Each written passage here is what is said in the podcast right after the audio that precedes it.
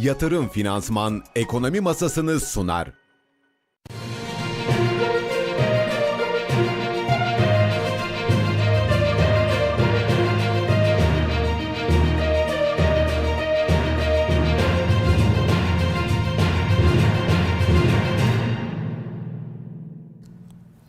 Nasıl bir ekonomi YouTube izleyicileri günaydın. Tarihimiz 19 Temmuz Çarşamba saatler 7.30'u gösteriyor ama siz hangi gün hangi saatte yayınımızı açtıysanız hoş geldiniz.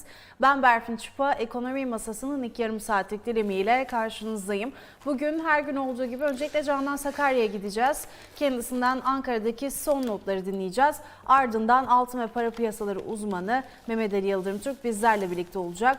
Dünkü e, kurdaki rekor gelişmeleri ve altındaki bundan sonra grafik nasıl seyredecek kendisine soracağız. Stüdyoya geçmeden önce anketimizi hemen aktarıyorum.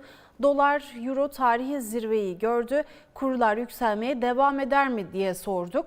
Bu seviyede kalır. PPK sonrası düşer, yavaş yavaş yükselir. Rally daha yeni başladı. Yanıtlarınızı ve katılımlarınızı bekliyoruz diyelim. Hemen stüdyoya dönelim. Hakan Bey günaydın. Nasılsınız? günaydın, günaydın. Rally daha yeni başladı. Rally daha yeni başladı. Evet, Evet. e, yani tabii dün baya bir e, hareket oldu. Piyasaları da e, bir hayli salladı. Euro ilk kez 30 TL'nin üzerini gördü. Aynen. Yani rekorlardı yani. Rekorlar Her her var, bakımdan aynen. e, peş rekor peşe vardı. rekorlar vardı. Muhtemelen diğer önde gelen para birimlerinde de rekorlar geldi. Yani sterlin vesaire filan. Ama e, yani biraz hesaplar da değişti. E, konuşuruz ama e, mesela bakıyorum iş insanları hani ne alan alabiliyor ne satan satabiliyor. Böyle bir garip duruma geldik diyor. Hani bir an önce şunun bir yerlerde tamamlanması lazım. Ama e, o konuda da işte Perşembe gününü bekliyoruz. Evet. Merkez Bankası'nın bakalım para Faiz politikası ne olacak? e, kurulunun kararı ne olacak, faiz kararı ne olacak?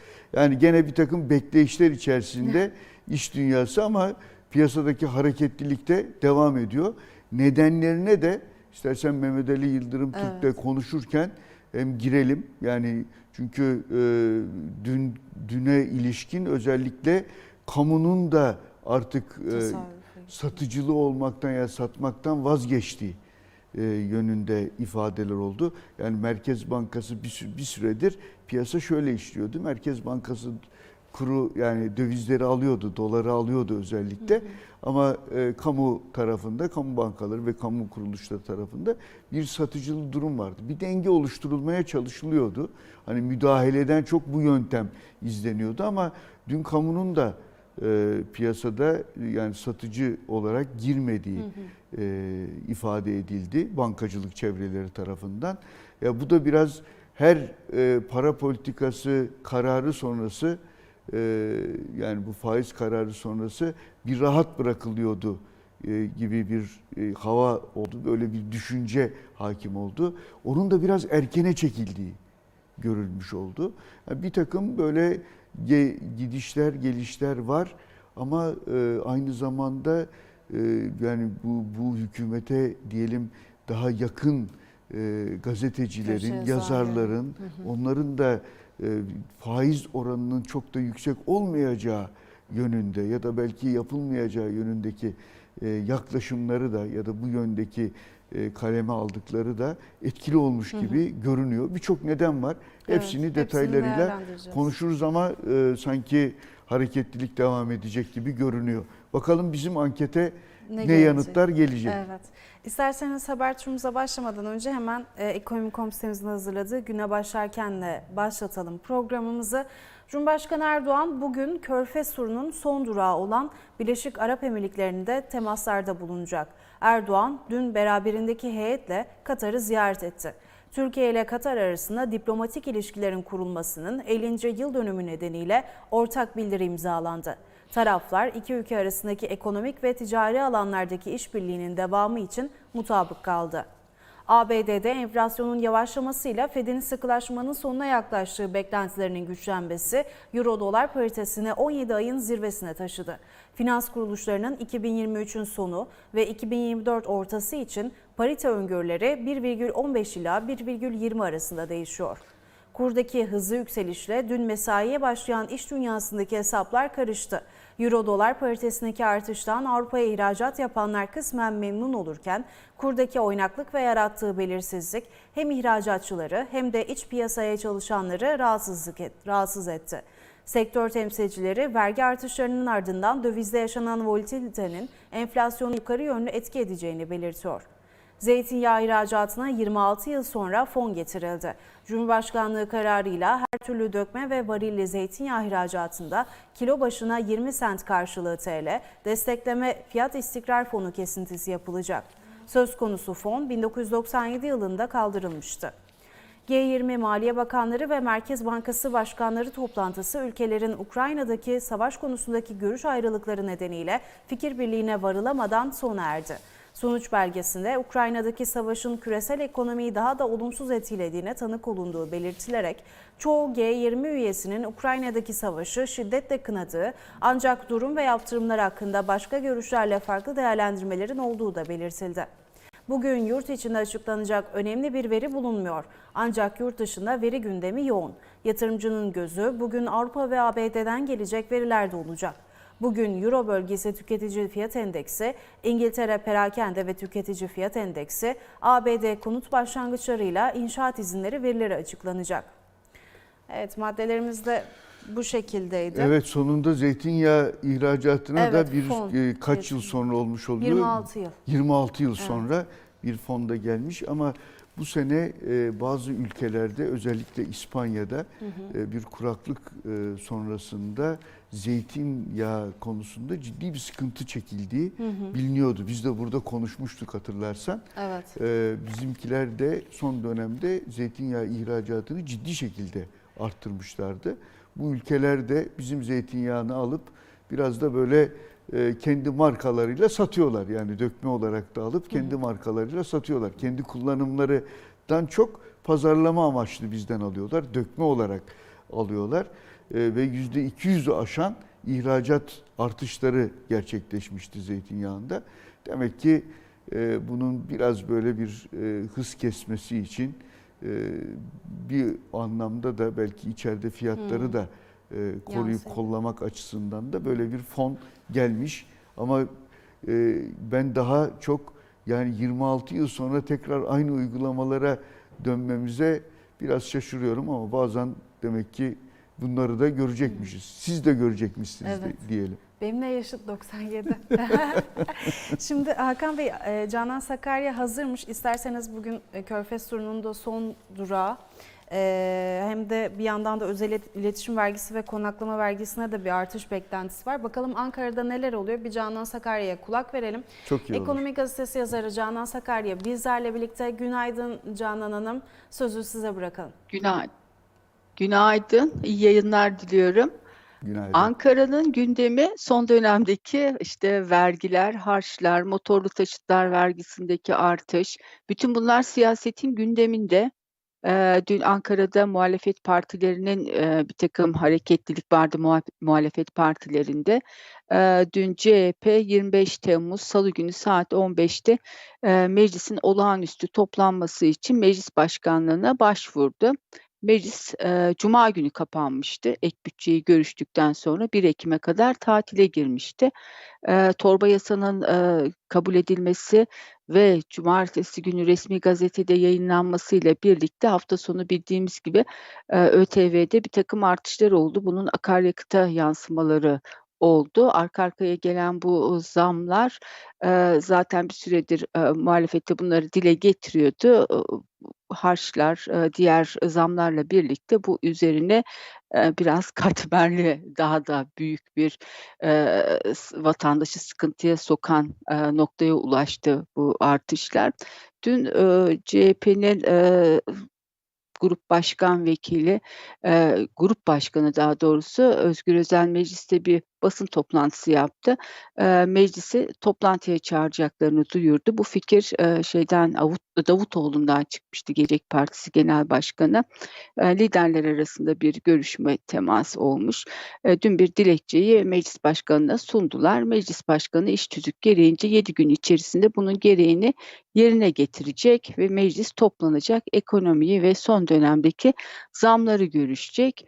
Eee, bu meclisin toplanabilmesi için 200 milletvekilinin meclis genel kurulunda olması gerekiyor. O noktada da bir sıkıntı görünmüyor. Muhalefet partilerinin tamamı gelirse işte 277 eee, civarı bir oyları bulunuyor. Eee, Özgür Özel eee, iktidarla da temasa geçtiğini söyledi. Eee, işte AK Parti ile de eee, MHP ile de onların da toplantıya geleceklerini dile getirdi dün yaptığı basın toplantısında. Eee, bir yandan da CHP motorlu taşıtlar vergisi nin yer aldığı torba yasada tek tek incelediklerini ve Anayasa Mahkemesi'ne götüreceklerini duyurdu. Bunun içinde yine ÖTV ile ilgili düzenlemede bulunuyor tabii. Diğer taraftan eee, e EYT ile ilgili düzenlemeyi de hatırlattı. Orada da dedi çok büyük haksızlıklar var dedi. Biz işte yasa çıktığında bir insanlar başvuracaklardı. Birtakım işte mağduriyetler yaşanmasın diye bunu Anayasa Mahkemesi'ne götürmedik ama bu yasada yapılacak ilk düzenlemede yani bir değişiklik, bir düzenleme yapıldığı zaman bunu da Anayasa Mahkemesi'ne götürebiliriz şeklinde bir açıklama yaptı. Dün bir taraftan da bu oylamalara, bu torba yasalara, vergi artışlarını öngören yasaların görüşmelerine muhalefet milletvekillerinin eee, daha düşük oranlarda, sayılarda katıldığı yönünde birtakım istatistikler de yansıdı. Aslında bu hep böyle oluyordu. Yani milletvekilleri muhalefet olsun, iktidar olsun zaten meclisi çalıştırmak iktidarın görevi. Muhalefetin de görevi eee, gelip bunlara işte görüşlerini, milletin sesini mecliste duyurmak.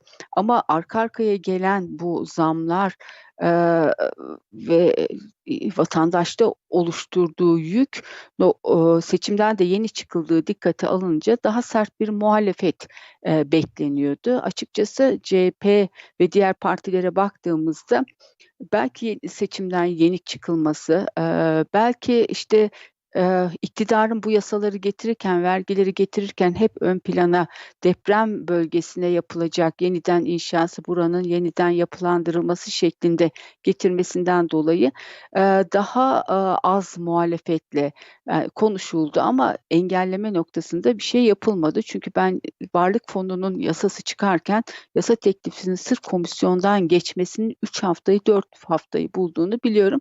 Bu noktada da işte eee, muhalefete dün epeyce yüklenildi. Sosyal medyada da birkaç gündür de eee, bu konuda bir tartışma sürüyor. Bu konudaki savunması da muhalefetin biz zaten orada olsak da sayılar söz konusu ve bu sayılar çerçevesinde yasa yine, yine de geçecek, kabul edilecek. Ama işte karşı taraftan da gelen eleştiri öyle geçse bile sen bunu engellemelisin, daha sert muhalefet yapmasın, yapmalısın şeklinde oldu. Eee, Salı günü mu eğer eee, Numan Kurtulmuş Meclis Başkanı Salı günü için bu çağrıyı yaparsa o gün de hem ekonomi hem de işte bu son dönemdeki zamlar, vergiler hepsi genel kurulda tartışılacak. Zamlar demişken e, Ankara'da toplu ulaşıma da %57 zam gelmiş. Hayırlı uğurlu olsun diyelim. Tam bilet 15 liraya çıkmış. Herhalde başka e, yerlere de başka illerde de bu, bu türden zamlı e, yeni e, bilet fiyatlarını görüyor olacağız. Bu arada e, ifade edeyim geçen böyle dolaşırken baktım e, senin bu Ankara gündemi özetlerin e, YouTube'da en çok izlenenler arasında özellikle bazıları bir hayli e, yüksek düzeyde izleniyor. Onu da e, söylemeden edemedim. Teşekkür ediyoruz. Evet, Canan Sakarya'ya teşekkür ederiz. Sabahları bizi Ben yalnız de teşekkür bırakmıyor. ediyorum. Şey e, 111 bine Heh, de ben de onu gelmişiz. söyleyecektim. Dün 111 bin olmuşuz O- sanıyorum. evet, ben- Ee, günaydın mesajları da gelmeye başladı. İzleyicilerimize çok teşekkür ediyoruz. Çok teşekkür Ee, ederiz. teveccühleri ve bizleri yalnız bırakmadı, bırakmadıkları için her zaman söylüyoruz onlarla beraber gelişiyoruz. Aynen öyle. İnşallah faydalı da oluyoruzdur. İnşallah. Mühim olan o. Aynen öyle. Şimdi e, aslında sizinle sabah konuşuyorduk Hakan Bey. E, ekonomi gazetecilerin hep mesaileri yoğun olacak bu dönemde diyorduk. Şimdi dış basının da oldukça yoğun olacak. Suudi Arabistan'la imzalar atıldı. E, Türkiye ile Suudi Arabistan Krallığı arasında doğrudan yatırım, savunma sanayi, enerji ve iletişim alanlarında anlaşmalar imzalandı. E, öte yandan Suudi Arabistan'a şimdiye kadarki en büyük savunma ihracatı e, yapıldı. E, anlaşması yapıldı evet, Evet. gerçekten. e, Türk Baykar'la. Savunma Sanayi Şirketi Baykar, Suudi Arabistan Savunma Bakanlığı ile Akıncı İHA'ları alımı için anlaşma imzaladı. Bayraktar sosyal medya hesabından anlaşmanın Türkiye'nin Suudi Arabistan'la tarihindeki en büyük savunma ve havacılık ihracat anlaşması olduğunu paylaştı. E, öte yandan bakıyoruz Türkiye ile Birleşik Arap Emirlikleri'nin en hızlı büyüyen ortağı haline geldi açıklaması var. E, Birleşik Arap Emirlikleri Ankara Büyükelçisi tarafından. İki ülke arasındaki toplam petrol dışı ticaret 2021'e göre %40, 2020'ye göre ise %112 artarak 2022'de yaklaşık 19 milyar dolara ulaşırken Türkiye'nin Birleşik Arap Emirlikleri'nin en büyük 10 ticaret ortağı arasında en hızlı büyüyen ortağı haline getirdiği açıklaması vardı. Öte yandan Avrupa Birliği'ne bakıyoruz. Ee, Dışişleri Bakanları Türkiye'yi konuşacak. 20 Temmuz'da yapılacak toplantıda Türkiye ile Avrupa Birliği ilişkileri değerlendirilecek. Ee, Avrupa Birliği tarafı son dönemde Türkiye'nin dış politikasında bazı değişimleri gördükleri bu bağlamda Türkiye'nin Avrupa Birliği konusundaki tutumunu da test etmek, gelecek aylardaki ilişkilerin nereye varabileceğini görmek istediklerini vurguladılar. Bir yandan tahıl koridoru derken böyle liste uzayıp Evet. gidiyor Hakan E şey Bey. tabii dışarıda e, hakikaten bir bir yanıyla da hareketlilik var. E, Sayın Ömer Bolat'ın da bir açıklaması vardı. O da e, yine bu İngiltere ile Türkiye arasındaki serbest ticaret anlaşmasının da kapsamı Evet. e, genişliyor. E, 2020 yılında imzalanmıştı. Avrupa Birliği yani e, Brexit denilen bu Avrupa Birliği'nden İngiltere'nin çıkması sonrasında Birleşik Krallığın çıkması sonrasında Türkiye ile hemen e, STA imzalanmıştı. Onu şimdi hem mal hem de hizmet başlıyor. tarafında e, kapsamı genişleyecek gibi görünüyor. Ortak bir açıklama yapıldı. Bu da bir başka haber. Sen sabahleyin bu Rusya'ya bizim Evet. Karadeniz'den bir heyet gidiyor diye Doğu e, ifade etmiştin. İhracatçılar Rusya'da ticaret heyeti programına katılacaklarmış 6 ila 11 Ağustos'ta. Evet. Yani e, bir yandan doları, euroyu. Evet. sürekli konuşuyoruz, Evet. konuşmak durumundayız ve işi de çok etkiliyor ama bir yandan da iş dünyası e, elinden geldiğince bu süreçlerde yine işini yürütmeye çalışıyor, anlaşmalarını yapmaya çalışıyor, kendine yeni pazarlar bulmaya çalışıyor. Belki de üzerinde e, dayanak olarak alabileceğimiz en sağlam zeminde bu iş dünyasının, e, toplumun dinamik bir e, dinamik hem dinamik hem de girişimci tarafı ne olursa olsun koşullara bir şekilde uyum sağlamaya çalışan bir yapımız var. Önemli bir özellik. Aslında- Bu bizi şeye karşı da koruyor. Böyle inişlerden sonra tekrar hızlı çıkışlara da e, yapabilme kabiliyetine de bir anlamda sahip oluyoruz. E, böylece risklerden, krizlerden de kısmen de olsa diyelim. Yoksa yaşadıklarımız hakikaten e, kolay kaldırılabilecek konular değil, sıkıntılar yüksek. Vatandaşın üzerindeki sıkıntı daha da yüksek. Onu hiç unutmamak lazım. Ee, ama yine de bu e, özelliklerimiz, bu girişimci tarafımız belki cari açığı da yarın öbür gün e, azaltacak bir yapıya doğru gidiyor. İnşallah. Şimdi e, dolar TL'yi konuşacağız. Mehmet Ali Yıldırım da hazırmış ama oraya geçmeden önce e, Vahap Munyar'ın köşe yazısına da değinmek istiyorum ben kısaca. E, Suudi Arabistan, Birleşik Arap Emirlikleri ve Katar'dan şirketinizi ortak düşünür müsünüz başlığını attı bugün Vahap Munyar İş Dünyası'na diyalog köşesinde. E, yatırım ofis ekipleri ziyaret ettikleri şirketlerin patron veya üst düzey yöneticilerine doğrudan sordu yazmış Vahap Munyar. Suudi Arabistan, Katar ve Birleşik Arap Emirlikleri'nden şirketinize, grubunuza ortak gelmesini ister misiniz, düşünür müsünüz? E, yazıya da ekonomim.com sitemizden ve gazetemizden de ulaşabilirsiniz. Evet. Buyurun. Dün biraz e, zaten üzerine sohbet etmiştik. Beraberdik e, bu e, sohbet esnasında. Hakikaten ilginç. E, Böyle bir çalışmanın yapılması bir yandan da doğal. Ama e, Sayın Munyar sadece onunla yetinmemiş. Vahap Munyar aynı zamanda e, bu bölgeyle iş yapan e, birçok iş insanından da görüşler almış. Mesela bir tanesi Türk Katar İş Konseyi Başkanı Başar Arıoğlu. E, o Katar'ın 2030 ulusal vizyonu kapsamında 150 milyar dolarlık alt ve üst yapı projesinin hayata geçirilmesini planladığını ifade ediyor ve çok sayıda da e, müteahhitlerin çok sayıda da iş aldığını Türk müteahhitlerin e, Katar'dan ifade ediyor. Bakalım yani bunlara e, iş dünyasının da Türkiye'nin de ihtiyacı var. Yani Evet. bu gelişmelere ihtiyacı var ama Mehmet Ali Yıldırım Türk'ü gerçekten bekletmeyelim. Evet. Benim de soracaklarım var üstada. Tamamdır. Euro dolar TL karşısında rekora doymadı. Bugün de Şebnem Turhan'ın haberiydi. Hemen Mehmet Ali Yıldırım Türk'le de konuşalım. Altın ve para piyasaları uzmanı Mehmet Ali Yıldırım Türk bizlerle birlikte. Mehmet Ali Bey günaydın, hoş geldiniz yayınımıza.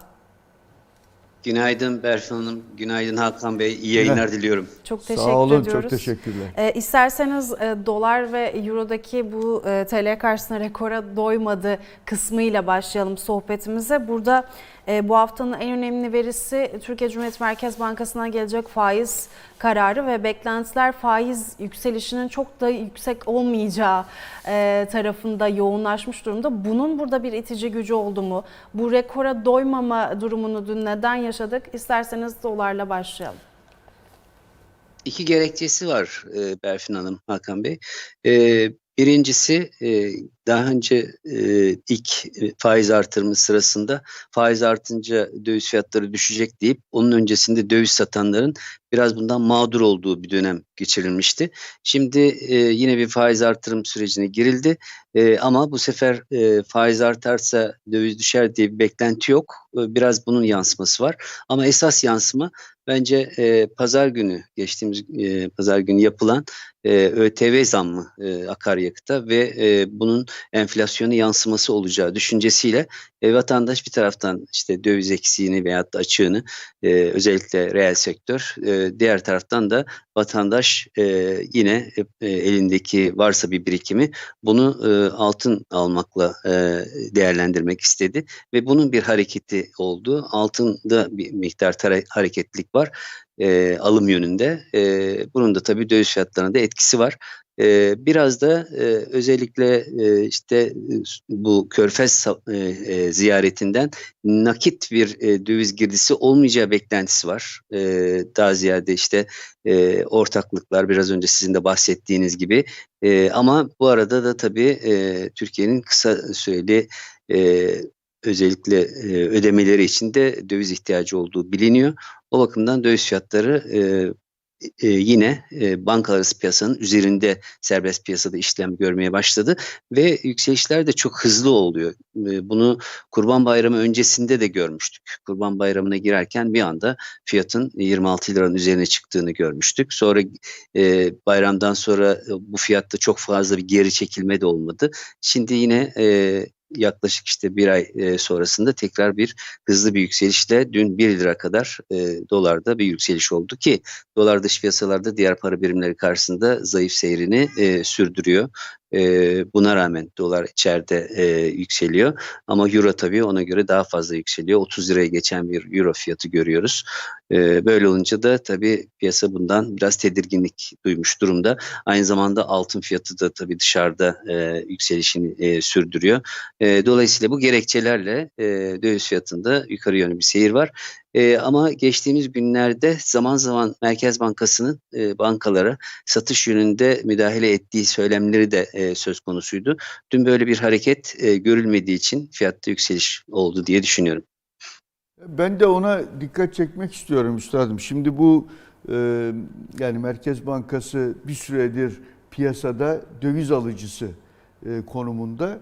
E, kamu bankaları ya da kamu kuruluşları da diyebiliriz buna. Biraz e, satıcılı e, bir şekilde onlar da satış yönünde hareket ederken dün satış yapmadıkları bilgisi e, geldi. Bunun da herhalde bir yükselişte e, bir şeyi oldu, etkisi oldu. E, bir parça da tabii Merkez Bankası döviz alırken piyasada TL bırakıyor. O Türk lirası bırakması da piyasada hani bir dövize yönelim gösterdi diye e, değerlendirme yapan uzmanlar da var. Bu böyle bir durum söz konusuysa siz bunun yansımasını Altın tarafında da görüyor musunuz? Oraya da yani piyasada e, bırakılan Türk lirası bu altının da son hem içeride hem dışarıdaki hareketinden sonra altın piyasasına da ilave bir yönelim var mı? Yönelim hep var ama böyle dikkatinizi çeken bir yönelim var mı? Evet, özellikle pazartesiden itibaren bu e, akaryakıta yapılan e, ÖTV zammı ile birlikte hemen e, vatandaş elindeki o likitteyi altın alma yönünde e, çarşıya veyahut da işte kuyumcuya e, e, hareket etti ve e, altın alımlarının geçen haftaya göre biraz daha hareketlendiğini görüyoruz. Bu alımların e, çok yoğun e, miktarlar olarak yoğun olmadığını, vatandaşın eline geçen o e, kısıtlı e, birikimleri e, hemen dövize e, döviz yerine altına yöneldiklerini de görüyoruz. Tabii bu arada altında da yükseliş beklentileri de e, sık sık işte yorumcular tarafından da ifade ediliyor. Diğer taraftan özellikle Amerikan dolarının düşük olmasıyla altın bundan destek aldığı gibi Ukrayna-Rusya arasındaki bu çatışmanın da zaman zaman altını desteklediğini görüyoruz. Dün gelen Amerika'dan özellikle ekonomik verilerin de önümüzdeki hafta FED toplantısında bir faiz artırımı olmayabilir düşüncesi de piyasalarda konuşuluyor. Ee, belki bu sefer de pas geçecek gibi görünüyor. Ee, bu da tabii altını bir noktada tetiklemiş durumda. Ee, 1960 dolar on seviyelerini geçemeyen altının bir anda 1979-1980 dolarlara geldiğini görüyoruz. Ee, dolayısıyla 1965'in üzerinde kaldığı sürece 1985 dolar on seviyeleri de tabii görülecek. 2000'e doğru bir hedefleme e, söz konusu ama bu biraz erken oldu. E, ben biraz da hani e, Ağustos ayı başlarında veyahut da Ağustos ayın ortalarından itibaren böyle bir hareketlik olmasını bekliyordum. Ama yine de böyle bir e, hareketlik var. Buna ayrıca işte G20 e, zirvesinde bir mutabakat sağlanamamış olmasında e, yansıması olduğunu da e, düşünüyorum. Dolayısıyla sadece faiz artırımları veya faiz artırımına pas geçmesi değil, aynı zamanda jeopolitik gerginliklerinde altın fiyatına yansıdığını dışarıda görüyoruz. Tabii içeride dolar TL'nin yansıması altını bir miktar yukarı çekiyor ve e, yeni bir zirveye ulaşıyor her gün. E, dün itibariyle e, 17.750 TL seviyeleriyle yeni bir zirveye geldik ki o da çok hızlı bir e, fiyat gelişmesi oldu. Aslında 1650-1700 bandında kalır diye düşünürken bir anda e, dolar TL'deki yükselişle beraber fiyatın e, yeni zirveye çok hızlı ulaştığını görüyoruz. E, vatandaş da bundan sonra işte bu ÖTV zammı, akaryakıt e, e, zammının e, bütün e, iğneden ipliğe her şeye zam getireceği düşüncesiyle kendini e, bu zamlara karşı veyahut da paranın değerinin e, düşüşüne karşı koruma eğilimini e, yine hareketlendirdiğini ve yine e, alımlara devam ettiğini e, görüyoruz Hakan Beyciğim. Evet. Yani e, Mehmet Ali Bey hakikaten şimdi G20'den kur, bizdeki kurlara kadar ve faiz kararına kadar o kadar çok parametre var ki etkileyen. Yani Aynen. e, siz birçoğuna değindiniz ve bunun içinde e, bir anlamda öngörülerinizi de ifade ettiniz ama ben şöyle bir e, temel senaryonuz nedir altında? Çünkü siz tam kalbindesiniz işin. Kapalı çarşı çok iyi nabzını tutuyorsunuz. E, hem e, temel senaryonuz nedir hem de şu noktada bir öneriniz, bir tavsiyeniz olur mu yatırımcılara diye sormak istiyorum. Evet özellikle bu hızlı yükselişlerde e, çok heyecanlanmamak lazım. Bu hızlı yükselişler e, bir düzeltme hareketi getirebiliyor. Biraz daha orada temkinli olmak gerekir. Ha, satış yapılabilir mi? Risk almak isteyenler satışta yapabilir ama benim önerim önünüzü göremediğiniz bir durumda bütün yatırım araçlarında satacağınızın yarısını satıp yarısını beklemeniz riskinizi bölmeniz anlamına gelir. Böyle bir e, davranış içinde bulunulabilir diye e, düşünüyorum.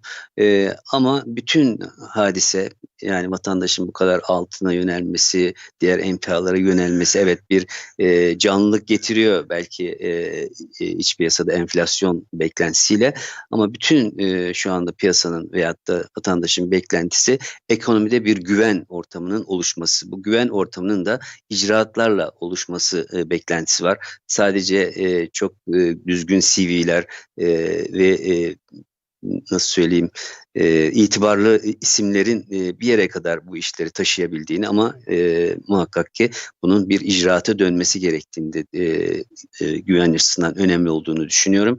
E, zaten daha önce de sizinle konuştuğumuzda belirtmiştim. E, böyle hükümet değişikliklerinde, ekonomi yönetiminin değişikliğinde siz de çok iyi biliyorsunuz. E, Merkez Bankası Başkanı değiş- değiştiğinde piyasa bunları bir test ediyor. Şu anda bu test etme sürecindeyiz. Hakikaten Merkez Bankası bu dövizin yükselişine bu kadar müsaade edecek mi? Yoksa yeni bir haber gelip e, dövizde bir miktar geri çekilme bir e, yani dengelenme olacak mı? Bir anda bu 27 e, lira 50 kuruş olan doların tekrar 26 liraya gelmesi söz konusu olabilir mi? Tabii bunlar olabilir ama bunun için bir icraat gerekiyor. O bakımdan e, bir an evvel e, piyasanın beklediği güven ortamının ekonomi yönetimi tarafından, Merkez Bankası yönetimi tarafından sözlü ifadelerle, icraatlarla yerine getirilmesi gerekir diye düşünüyorum. Çok, teşekkür, teşekkür ediyoruz. Ağzınıza, aklınıza sağlık diyelim. Çok sağ olun. Değerli Ben teşekkür ederim. İyi yayınlar diliyorum. Çok sağ olun. Altın ve para piyasaları uzmanı Mehmet Ali Yıldırım Türk bizlerle birlikteydi. Yatırımcı için hızlı yükselişlerde çok heyecanlanmamak lazım dedi uyarısını yaptı. Bir de yarısını satın, yarısı kalsın Heh. gibi böyle bir ama tabii ki Evet. duruma göre yani e, diye bir tavsiyesi var. E, ilginç, ilginç gerçekten e, sınav zorlu. Ben katılıyorum Sayın Yıldırım Türk'e. E, ekonomi yönetiminin şu anda önündeki sınav bir hayli zorlu. İcraatlar da önemli dedi. İcraatlar da önemli. Aynı zamanda. Çok teşekkür ediyorum. Ben kıymetli teşekkür katkılarınız ederim. Için. Hakan Gül'de çok sağ olun. Şimdi haberimize gidelim. Suudi Arabistan Türkiye İş Forumu'nda konuşan Ticaret Bakanı Ömer Bolat, Türkiye'de faaliyet gösteren 1400'den fazla Suudi şirketi bulunduğunu söyleyerek Suudi iş adamlarına Türkiye'ye yatırım çağrısında bulundu. Haberimizi izliyoruz. Haberin ardından Barış Esen ve Hakan Güldağ ekonomi masasında karşınızda olmaya devam edecek. Türkiye olarak Suudi Arabistan ile 2022 yılında karşılıklı ticaret hacmimiz yaklaşık 6,5 milyar dolar olarak gerçekleşmişti. Hedefimiz bu rakamı saygıdeğer devlet başkanlarımızın vizyonu doğrultusunda kısa vadede 10 milyar dolara, uzun vadede ise 30 milyar dolara çıkarmak olacaktır. Ülkelerimizin sahip olduğu tarihi ve kültürel bağların yanı sıra güçlü ekonomilerimiz, nitelikli iş gücü piyasalarımız ve başarılı girişimcilerimizin olduğu bir ortamda ekonomik ve ticari ilişkilerimizi çok daha üst seviyelere çıkarmak güç olmayacaktır. Her iki ülkenin birbirini tamamlayan dış ticaret yapıları ticari ilişkilerimizde kazan kazan prensibini ön plana çıkarmaktadır. Türk firmaları ürün kaliteleri ve ahilik kültüründen gelen iş ahlakları ile Suudi Arabistanlı tüketicilerin güvenini kazanmıştır. Suudi Arabistan ise başta petrol ve e, petrol ürünleri ve plastik ürünleri, kimyasallar, demirçelik ürünleri olmak üzere ülkemiz sanayisinin önemli tedarikçilerinden ve stratejik ortaklarından birisi olmuştur. Önceliğimiz bu ticaret hedefimizi arttırma yolunda ürün çeşitliliğini arttırmak ve iş dünyalarımız arasında sürdürülebilir ve sarsılmaz bağlar oluşturmaktır. oluşturmaktır. Yatırım Finansman'ın sunduğu ekonomi masası devam edecek.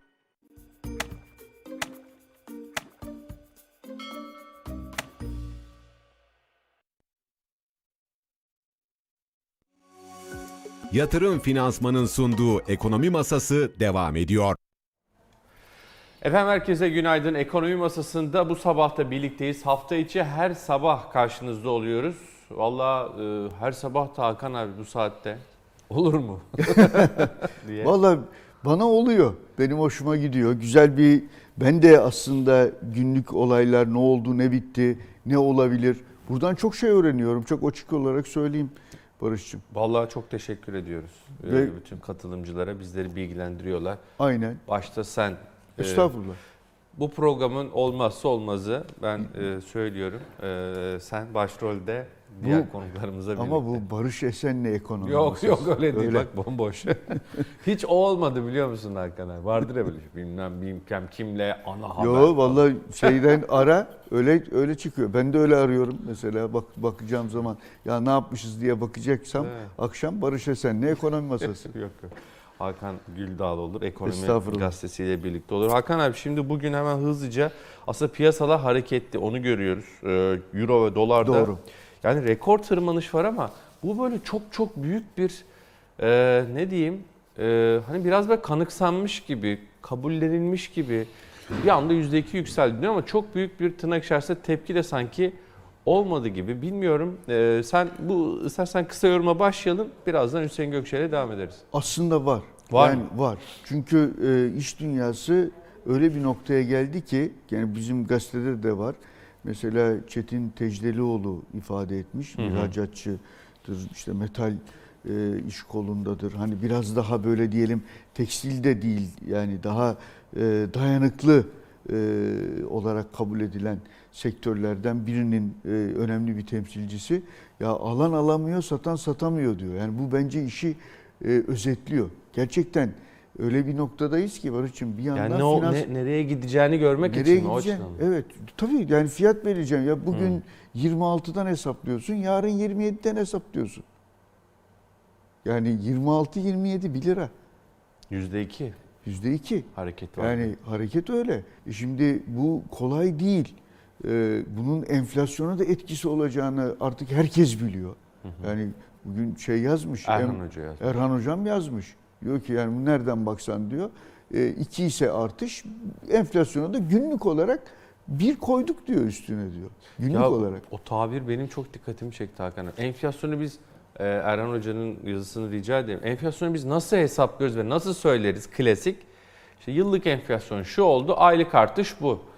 Erhan Hoca'nın bugünkü köşe yazısının başlığı günlük enflasyon Evet. güçleniyor diye. Ya bu çok dikkat çekici bilmiyorum. Benim de çok dikkatimi çekti. E, hocam da biliyorum dün Bilerek bayağı... yazmıştır herhalde bunu. Efendim? Yani bile bile değil mi? bu tabiri bile Bilerek bile. yazdı. Biraz Evet. zorlu koşullarda yazdı. Onu biliyorum. İki arada bir derede çok e, işi de vardı. Yoğun işleri vardı. Ama e, bunu zaten anlattı da e, bize. Yani gerçekten günlük enflasyon diye bir hayatımıza kavram girmeye başladı. Bu yani bir, ciddi bir sıkıntılı ama bunun nedenleri var tabii ki. Yani bu artışın nedenleri var. Onları da Şebnem Turan çok net bir şekilde anlatmış.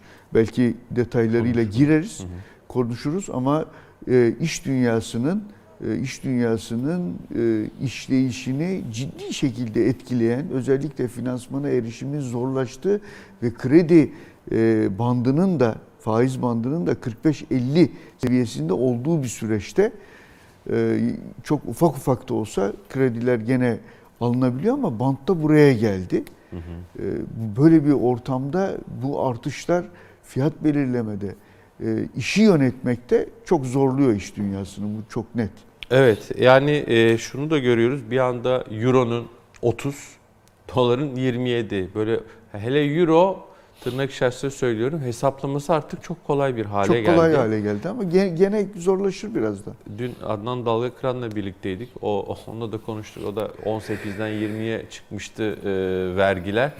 E, böyle biraz hafif ironiyle birlikte sosyal medya ilk vergi artışında o dedi işimiz çok kolaylaştı. Artık küsuratlarla uğraşmayacağız. 20 ile vergi e, olayını götüreceğiz diye ifade etmişti. Şimdi istersen bir Ankara'ya dönelim. Hüseyin Gökçe hazır. Tamam. Ee, bir taraftan tabii tarım konusunda da e, tarımsal üretimin en önemli girdilerinden bir tanesi akaryakıt fiyatları. O konuda Türkiye Ziraat Odaları Birliği Başkanı Sayın Şemsi Bayraktar'ın açıklamaları, mesajları var. Dün ben böyle Hakan abi sen de görmüşsündür. Münferit böyle işte minibüsçiler, e, işte taksiciler gibi böyle servisçiler böyle bazı çok geniş olmayan katılımlı ufak protestoları da takip ettik. Çok büyük katılımlı olmadı ama hani e, bu son akaryakıt e, vergi düzenlemesi ya da zammıyla e, tepkide oluştu. Onu da ifade edelim. Tarım tarafı da bunu düşünüyor. Düşünür. Anladığımız kadarıyla. Hüseyin günaydın, hoş geldin. Günaydın, iyi yayınlar diliyorum. Çok teşekkürler. Seni dinleyelim. Neler var açıklamalarda? Ya şimdi hafta sonu e, vergi artırımının otomatikman pompa fiyatlarına yansımasıyla birlikte tabii toplumun tüm kesimleri araç kullanan ve araca bağlantılı hizmetleri alan tüm kesimler buna e, ciddi anlamda e, tepki gösterdiler. Bir kısmının cebinden para doğrudan çıktı, bir kısmının cebinden bunun enflasyonist etkisiyle daha sonra çıkacak. Ama doğrudan cebinden para çıkan kesimlerin e, yine toplumu en çok etkileyen kısmı ise çiftçi kesimi. Az önce e, söylediniz e, Şemsi Bayraktar, e, Ziraat Odaları Birliği Başkanı çiftçinin e, önemli bir kesimini temsil ediyor ve o da doğal olarak şunu söylüyor. Yani bir ay önce 20 lira civarında 22 lira civarında mazota para ödeyen çiftçi artık 32 lira ödeyecek. Öncelikle şunu söylüyor. Yani çiftçi Türkiye için çok önemli bir kesim. Türkiye üretimi ve gıda güvenliği, tedarik zinciri vesaire bunlar için en önemli kesimlerden bir tanesi çiftçi ve bir çiftçinin üretimden uzaklaştırılmaması artı üretim maliyetlerinin artmaması lazım. Şimdi Şemsi Bayraktar özellikle hep enflasyon dönemlerinde yani ayın ilk haftasında rutin bu açıklamaları yapar. E, Biz de onu haberleştiririz. E, Yani ayın 3'ünde 5'inde e, bu açıklamaları görürüz. Ama bu mazot fiyatıyla ilgili açıklaması yine e, ilginç bir döneme denk geldi. Yani ilginç dönemden de kastım şu. e, biliyorsunuz e, Türkiye'de tarımsal üretim bölgelere göre 12 ay boyunca e, neredeyse devam ediyor. Ya hasat kısmıyla ya ekim e, kısmıyla e, üretim tarımsal faaliyetler devam ediyor ve bunların tamamında hem hasatta hem de ekimde mazot kullanılıyor. Şimdi Türkiye'de yıllık ortalama 24-25 milyar litre bir e, mazot tüketimi söz konusu. Bunun da yaklaşık %10-12'sini çiftçiler yani tarımsal amaçlı e, kullanılıyor. İşte traktörlerde vesaire kullanılıyor. Ve e, çiftçiler 2022 yılı verilerini 2023'e simüle etmiş aslında e, Bayraktar e, açıklamasında. E, Bu yıl geçen yılki kadar mazot kullanıldığı takdirde ve günümüz e, fiyatlarıyla yılın tamamında 100 milyar lira civarında çiftçinin mazota e, ödeyeceği rakama e, ulaşıyoruz. E, bunun içerisinde de biliyorsunuz sadece ÖTV değil katma değer vergisi de var. Bu her ikisinin birlikte vergi yükünü toplam %38,5 e, civarında olduğu hesaplanıyor. Ve Bayraktar diyor ki çiftçinin cebinden 40 milyar lira e, vergi olarak, vergi yükü olarak devlete ödeniyor. Peki çiftçiler e, 2023 yılının tamamında e, bütçeden ne kadar tarım desteği aldı diye e, bir karşılaştırma yaparsak rakamın vehameti o zaman ortaya çıkıyor. E, Türkiye Cumhuriyeti Devleti 2023 yılında çiftçilerin tamamına işte mazot, gübre, ürün alımı dahil, fi- fiyat regülasyon destekleri dahil toplamda 56 milyar liralık bir destek e, bütçesi ayırmış durumda hayvancılık dahil. Ama bu 56 milyar liralık desteğin e, 40 milyar liraya yakın kısmı tekrar e, vergi olarak alınıyor. Şemsi Bayraktar'ın yakınması da bu. Kendi hesaplamalarına göre de bu e, yüzde 70 civarında. Yani 100 lira destek veriyorsunuz 70 lirasını vergi olarak e, tekrar alıyorsunuz. Özeti bu. Yani valla Hakan abi ben bu gazeteyi her gün aldığımda şimdi bunu hani bi- biz kendi kendimizi e, ben tamamen içinde değilim ama bir şekilde birlikteyiz diye ben görüyorum. Övmek gibi olmasın ama e, her gün bir bilgi var bu gazetede ya. Bu çok önemli, çok değerli. Mesela Şemsi Bey'in Hüseyin Gökçe de anlattı sağ olsun. Diyor ki devletin 2023 yılında yaklaşık olarak verdiği destek 54 milyar liraydı. Üreticinin ödediği mazot vergisi tarıma verilen toplam destek miktarının %70'i. Yani devlet bir destek veriyor cebinden tarımı destekliyorum diyor. Sonra mazota ödenen vergiyle verdiği desteğin %70'ini geri topluyor. Ya bu çok hakikaten e, ironik mi diyeyim bilmiyorum enteresan. Siyaset sanatı. Vallahi sanat hakikaten. Ama gerçekten e, sıkıntı yani. Çünkü çiftçiyi de yani Hüseyin de zaten çok net bir şekilde anlattı Hüseyin Gökçe. Yani çiftçinin en önemli girdilerinden bir tanesi mazot. Evet. Yani orada e, sıkıntı oluşur. Bu arada e, bizim Veysel Ağdar'ın da bir haberi var. Fındığın fiyatını da kur belirleyecek diye. Orada da işte e, gördüğüm kadarıyla fındık üreticisinin ya zaten 3 dolara çıpalanmıştı fındık.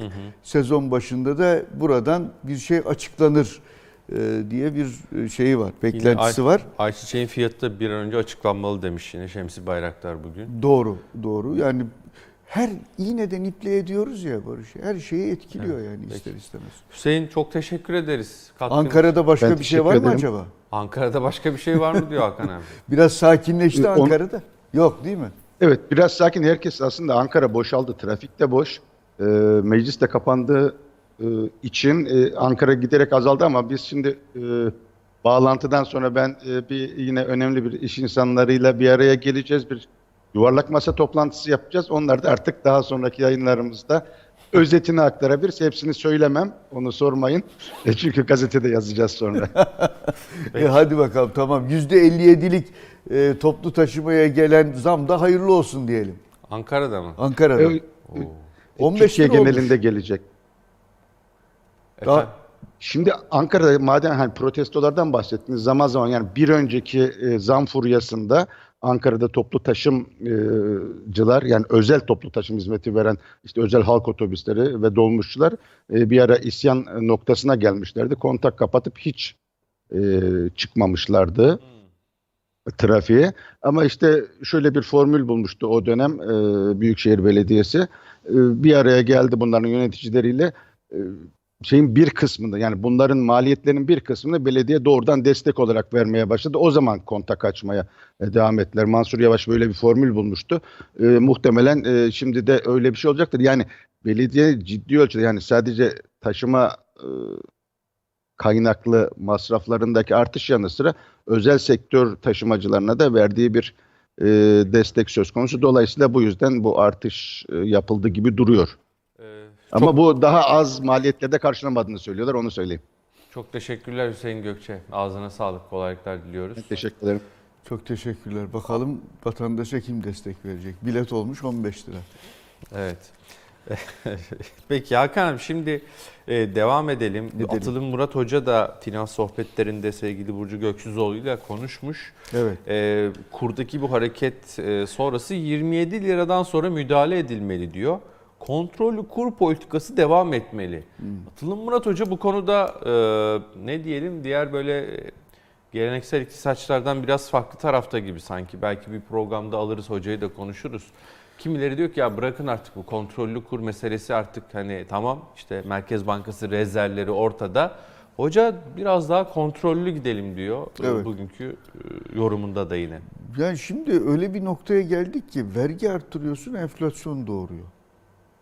Bin, işte kurlar artıyor zaten hepimiz biliyoruz enflasyon Ücret olacağını. artışları. evet. Ve bir kontrolsüzlük de var mı? Var. Yani neyin fiyatının sen de söylüyorsun değil mi?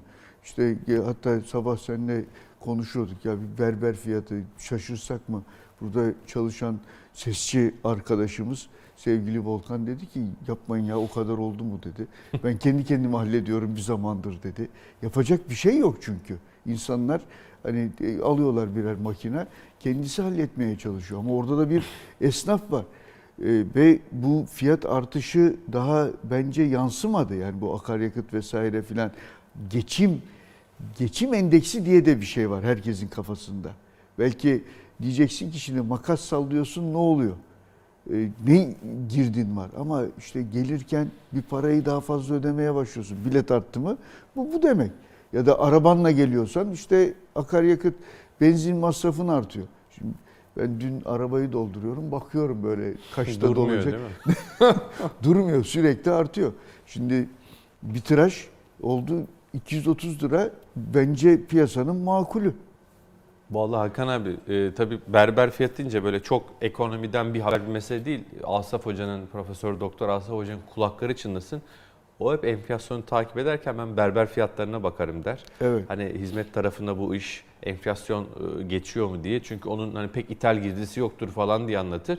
Gerçi şimdi hani konuştuğumuzda berberlerde makinalarda o kullandıkları makinalarda e, saç keserken işte sakal düzeltirken ithal diye konuşuluyor. Doğru. Ben ufak e, hemen Burak Hoca'yı bekletmeyelim. Hocam da eminim. Hatta hocayı bir alalım aramıza istersen. Hakan. Vallahi Böyle alalım sohbete ya. devam edelim. Hocam da piyasanın Vallahi. nabzını, hayatın nabzını iyi tutuyor. E, Profesör Doktor Burak Arzu hocam günaydın.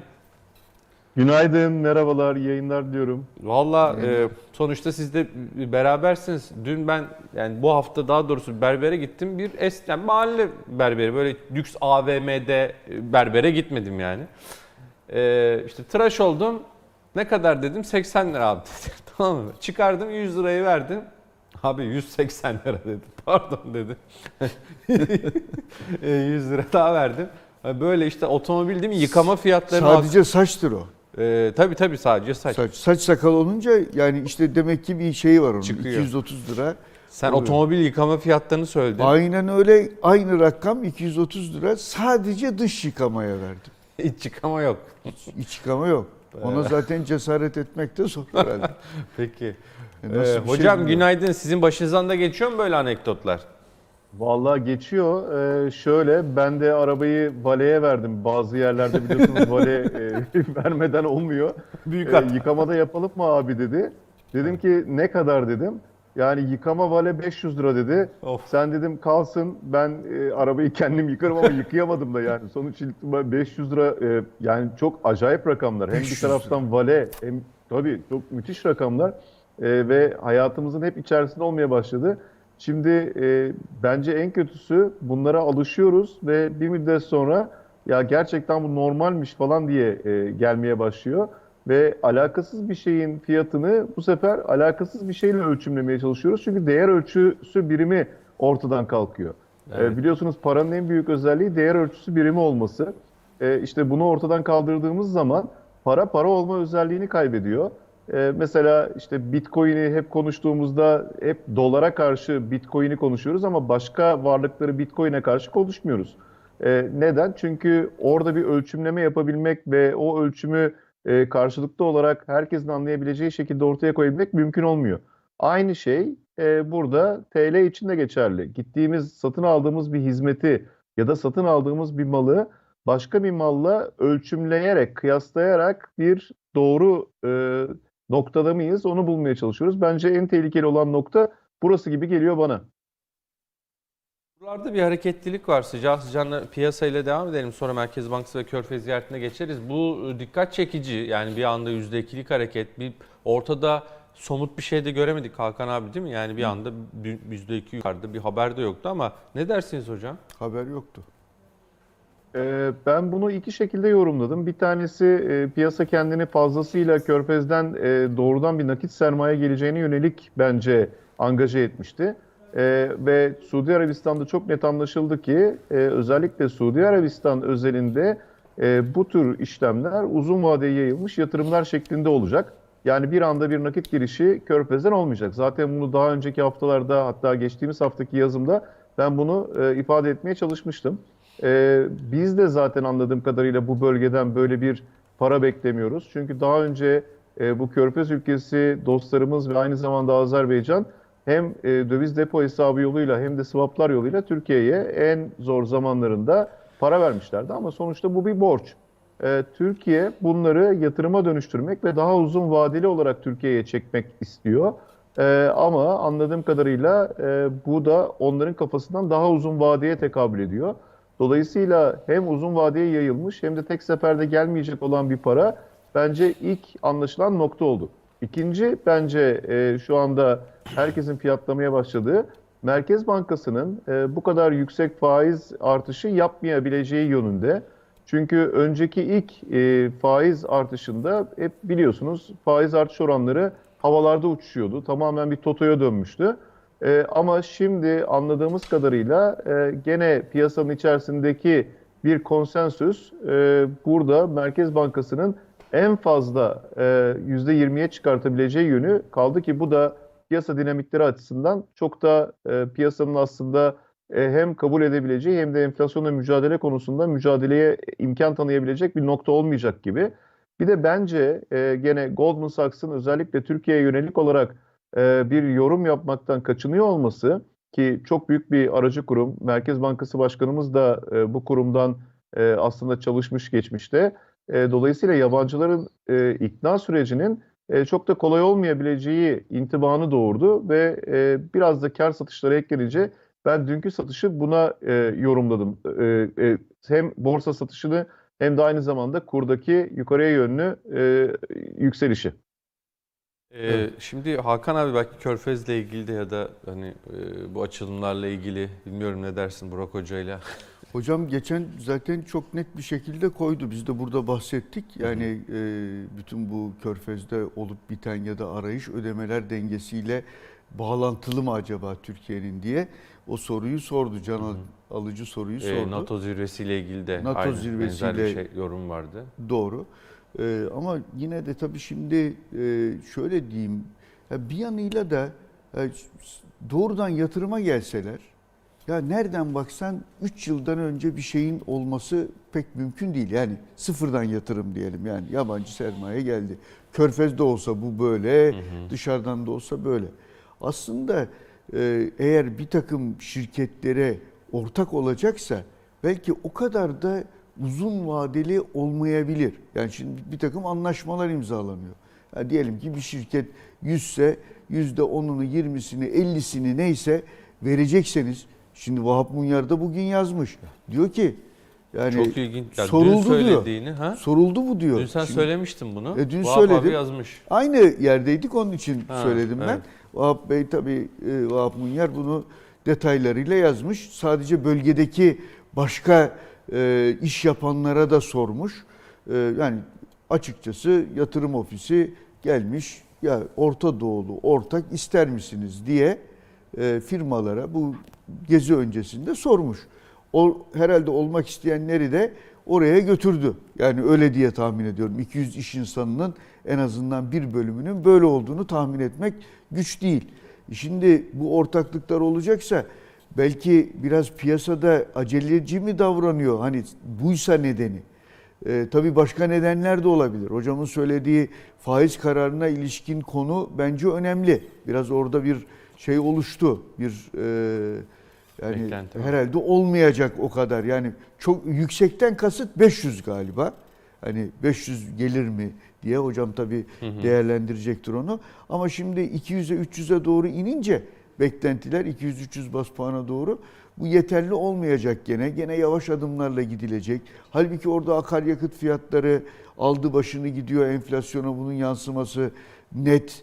O zaman kurların da gelmesi gereken yer başka bir yer diye bir beklenti oldu. Şunu da kabul etmek lazım. Belki bu körfezden bir borçlanmayla ilgili yani swap falan değil de bir borçlanmayla ilgili bir ipucu bir söz çıksaydı daha farklı olabilirdi. Yani biraz daha farklı seyredebilirdi. Ama ben hocama şunu da sormak istiyorum. Bir süredir e, Merkez Bankası dolarda yani kurlarda e, daha doğrusu döviz tarafında alıcı pozisyondaydı piyasada. Alıcılı olarak hareket ediyordu, satıcı değil. Ama kamu, kamu bankaları, kamu kuruluşları da satıcılı olarak e, hareket ediyordu, satıcı olarak hareket ediyordu. Fakat son yani dün mesela kamunun satışı kestiği görüldü. Acaba böyle bir taktik olabilir mi? Hani çünkü şimdi bir şey yerleşti gibi her politika e, kurulu toplantısı sonrası biraz e, şey piyasa serbest bırakılıyor. Kurlar biraz yukarıya çıkarsa çıksın diye. Çünkü hani ters etkide de bulunmasın, düşürücü etkide de bulunmasın isteniyor galiba. Böyle bir takım stratejiler seziyor musunuz? Var mıdır?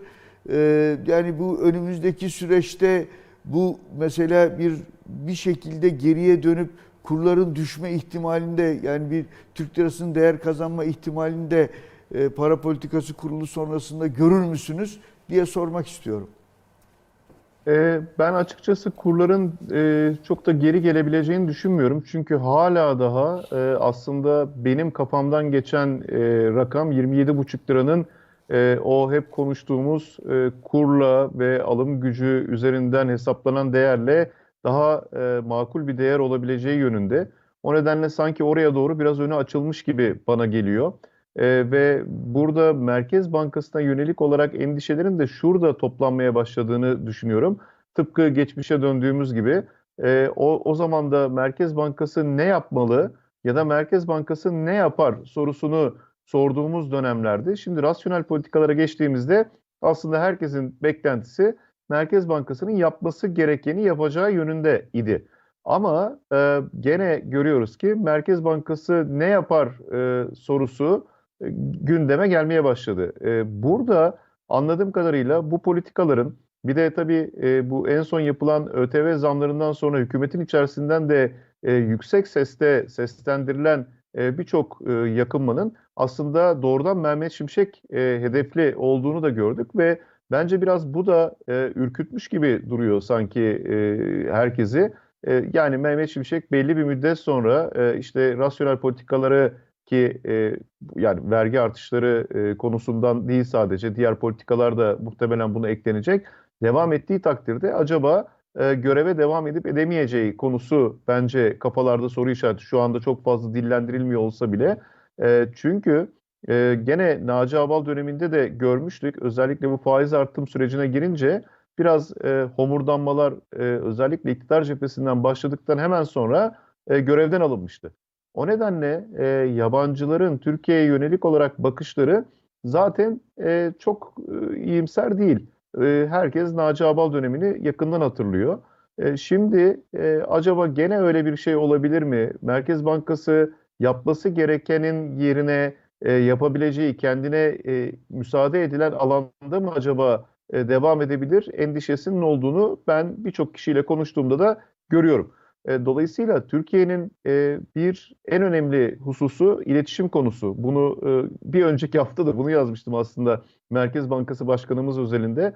Çünkü böyle bir iletişimsiz ortam ortaya çıktığı zaman yani Merkez Bankası üzerinden para politikasının nasıl şekillenebileceği, Merkez Bankası'nın en azından nereleri kendine hedefleyebildiği konusu çok da gündemde olmadığı bir noktada herkesin farklı düşünceler içerisine girebilmesi normal. Hatta dün duydum, e, inşallah e, bu gerçekçi olmaz. E, özellikle bu enflasyon raporunda e, gene Merkez Bankası Başkanı e, üzerinden soru cevap kısmının olmayabileceği e, bir dedikodu şeklinde ortaya çıkıyor. E, ve bu da aslında birazcık kafalarda soru işareti yaratan ve moral bozucu olabilecek olan hususlardan biri. Benim bu dönemdeki en büyük tavsiyem özellikle iletişimin e, biraz kuvvetlendirilmesi ve e, piyasanın kafasındaki, hepimizin kafasındaki soruların biraz daha somutlaştırılması. Bir de tabii bu süreçte Ya- bence en büyük problem Herhalde ya. Yani e, o dedikodudur öyle kalır herhalde. Bence soru cevap olur. Sayın Kavcıoğlu döneminde İnşallah. de oldu yani. Hatta evet e, bayağı işte hani gündeme de geldi o toplantılar. Doğru. E, yani bence hocam e, olur yani ya. O kadar inşallah. Olması iyi olur diyelim. ya iyi olur yani Olması niye iyi olmasın olur. ki? Çok iyi olur. Niye? Yani onun zaten o toplantıların ruhu o. Ruhu o. Bugüne kadar olmuş. E Zaten PPK sonrası çıkıp kimse konuşmuyor. Avrupa Merkez Bankası, Amerikan Merkez Bankası'nda olduğu gibi. Tek hani piyasanın, değil mi Burak Hocam Hakan abi yani kafasındaki soru işaretlerini sorgulayabileceği diyorum. Bak soru işaretinin yanıtlar alabileceği demiyorum. Çünkü yanıt ben işte son enflasyon e, raporu toplantılarına baktığımda hocam da belki katılır. Pek yani top yuvarlama şeklinde oluyor. Doğrudan belki yanıt verilmiyor ama yine de sorgulanıyor, soruluyor. Belki makul cevaplar da veriliyor. Çok açık net olmasa da ya da bir mesaj vermek istediğinde para politikası kurulu toplantısı haricinde Merkez Bankası Başkanı orada verebiliyor. Yani bu imkan da var. Bu imkandan geri adım e, inşallah hocam duyduğunuz ya da ne diyelim o söylentiler doğru dedikodu değil. olarak dedikodu söylentiler doğru değildir. Ben de e, böyle olmamasını temenni ediyorum ve olmayabileceğini de düşünüyorum. Ama e, yani bu kadar sessiz kalındığı zaman ve e, özellikle para politikasına yönelik olarak herhangi bir e, intiba ortaya çıkmadığı zaman e, bu sefer e, demin de söylediğim gibi olması gerekenin yerine ne yapabileceği Merkez Bankası'nın konuşulabilir hale geliyor. E, bizim buradaki en büyük eksikliklerimiz bence daha hala para politikasının nasıl şekillenebileceğini bilemiyoruz. Ve burada e, bence gene piyasaları tedirgin eden hususlardan bir tanesi işin sadece kaynak arayışına dönmüş olması ve e, bu da aslında ekonomiyle hiç ilgilenmeyenler bile açısından bile e, Türkiye'nin gerçekten bir döviz sıkıntısı içerisinde olduğu ve bütün gücüyle bu e, döviz darboğazını aşmaya çalıştığı yönünde bir intiba ortaya koyuyor. Bence e, bunu biz iletişimle çok kolay bir şekilde çözebiliriz. Para politikasının nasıl şekillenebileceği, Türkiye'nin özellikle önümüzdeki dönemlere ilişkin neler yapabileceği, sadece maliye politikasının e, vergi artışlarından ibaret olmadığı, E, mesela tasarrufa yönelik olarak bir genelge gönderildi e, Hazine ve Maliye Bakanlığı'ndan. Ama kamu kurumlarının bütçe bu yılki bütçe içerisindeki harcamalarını gözden geçirmeleri yönünde. Burada bir kısıntı yok. E, sadece gözden geçirecekler. Dolayısıyla bazı kamu kurumları özellikle tahsisli kendilerine kullandırılan bu bütçedeki kalemleri e, bundan sonra hemen kullanma yoluna gidebilirler ki daha sonra belki bunu bulamayabilecekleri endişesiyle. O nedenle e, para politikası, maliye politikası hatta dış ticaret politikası konuları bence en önemli konulardan Peki. bir tanesi. E, Bir de son bir şey tabii e, turizme yönelik olarak gelen e, haberler de çok iç açıcı gelmediği için e, bu kaynak sıkıntısı e, gerçekten çok konuşulabilir hale geldi. E, bir an evvel buradan çıkmamız gerektiğini düşünüyorum. Hakan Evet, abi yani son bu- sorusu var. Turizm meselesi hakikaten önemli. Ben de yani bek, net hata noksanın da eksilerde gelmesi bile buradaki tahminlerimizin tam tutmamasına bağlandığını ben de paylaşmak isterim. Ee, hocam şöyle bir durum var. Bu biraz önce söylediğiniz konu da son derece önemli görünüyor. Yani e, Sayın Şimşek'in e, yani bir, bir hafta önce değil mi? Biz e, Sayın Cumhurbaşkanı'nın yani uçakta gazetecilere yaptığı açıklamada işte rasyonel politika vurgusu yapmasının, e, ekibi desteklemesinin, vardı. ehil bir ekip var demesinin e, önemli öneminden Konuş- bahsettik ve de onun yarattığı bir e, şeyde bir Hava. pozisyonda oldu, bir havada oldu.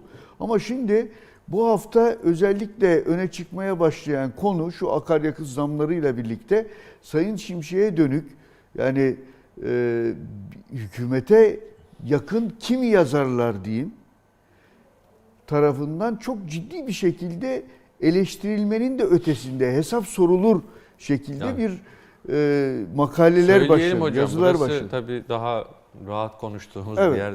Cem Küçük yazdı. Doğru. AK Parti içerisinden de AK Parti MKYK üyesi e, Metin Külünk yazdı. Doğru. Yani Operasyon operasyon çekildi Türkiye'ye dedi. doğrudan içeriden operasyon- hani yazanlar da oldu. Şimdi böyle bir şey olunca tabii ister istemez bu soru işaretleri artıyor. Hani bir yanıyla şunu sö- şunu söylüyor e, piyasanın uzmanları, e, ekonomistler de öyle.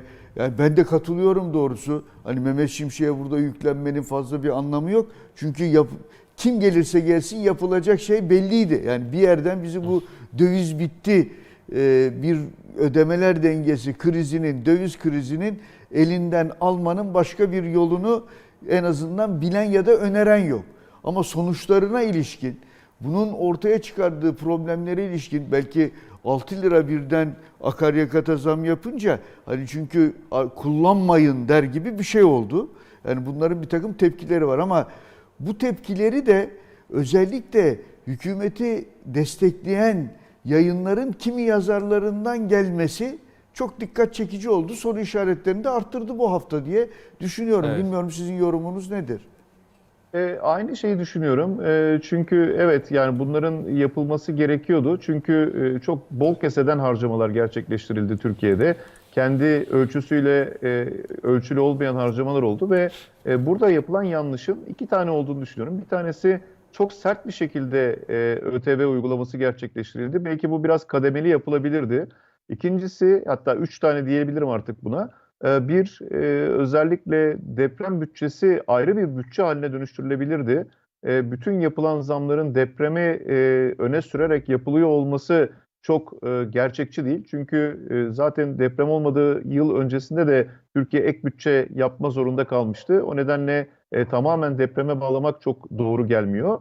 E, e, Üçüncüsü de özellikle tüm bu süreç içerisinde e, bence harcama politikasına yönelik olarak e, devletin tasarruf tedbirlerinin e, kurum kurum, rakam rakam e, açıklanmamış olması en büyük tepkiyi doğurduğunu düşünüyorum. Çünkü e, öyle bir intiba var ki bütçenin e, denkleştirilme çalışması sadece gelir ayağı üzerinden yürüyor ve bu gelir ayağının tamamı da özellikle e, bizlere, vatandaşlara yıkılmış durumda ve dar gelirli kesim ile sabit gelirli kesimin e, bunu kaldırabilecek yükü de çok fazla yok gözüküyor.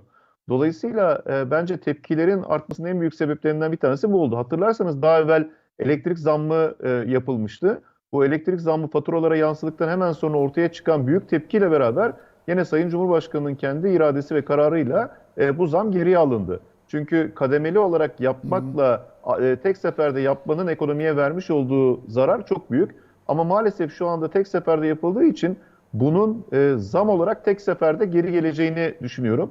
E, çünkü eğer kademeliye dönülse bile artık o geçti. Yani geçmiş olsun. Bütün herkes mal ve hizmet fiyatlarını bu yeni KDV zamlarına göre ve kurun e, tahmini değerine göre ayarladı. Ben şu anda birçok firmayla konuştuğumda 30-35 lira arasından bütçelerin revize edilmeye başlandığını e, görüyorum. Hmm. Geçtiğimiz hafta çok büyük bir grupla beraberdim. E, onlar dediler ki bizim için en büyük problem 15 gün sonrasını öngörememek ve bütün firmalarımız bütçe yapma sürecinde tamamen e, kendilerini e, artık yetersiz hissediyorlar ve neredeyse her hafta bütçe revizyonlarına gidiyoruz. Bu gerçekten çok yıpratıcı. 15 gün sonra mı hocam? Yapmayın ya.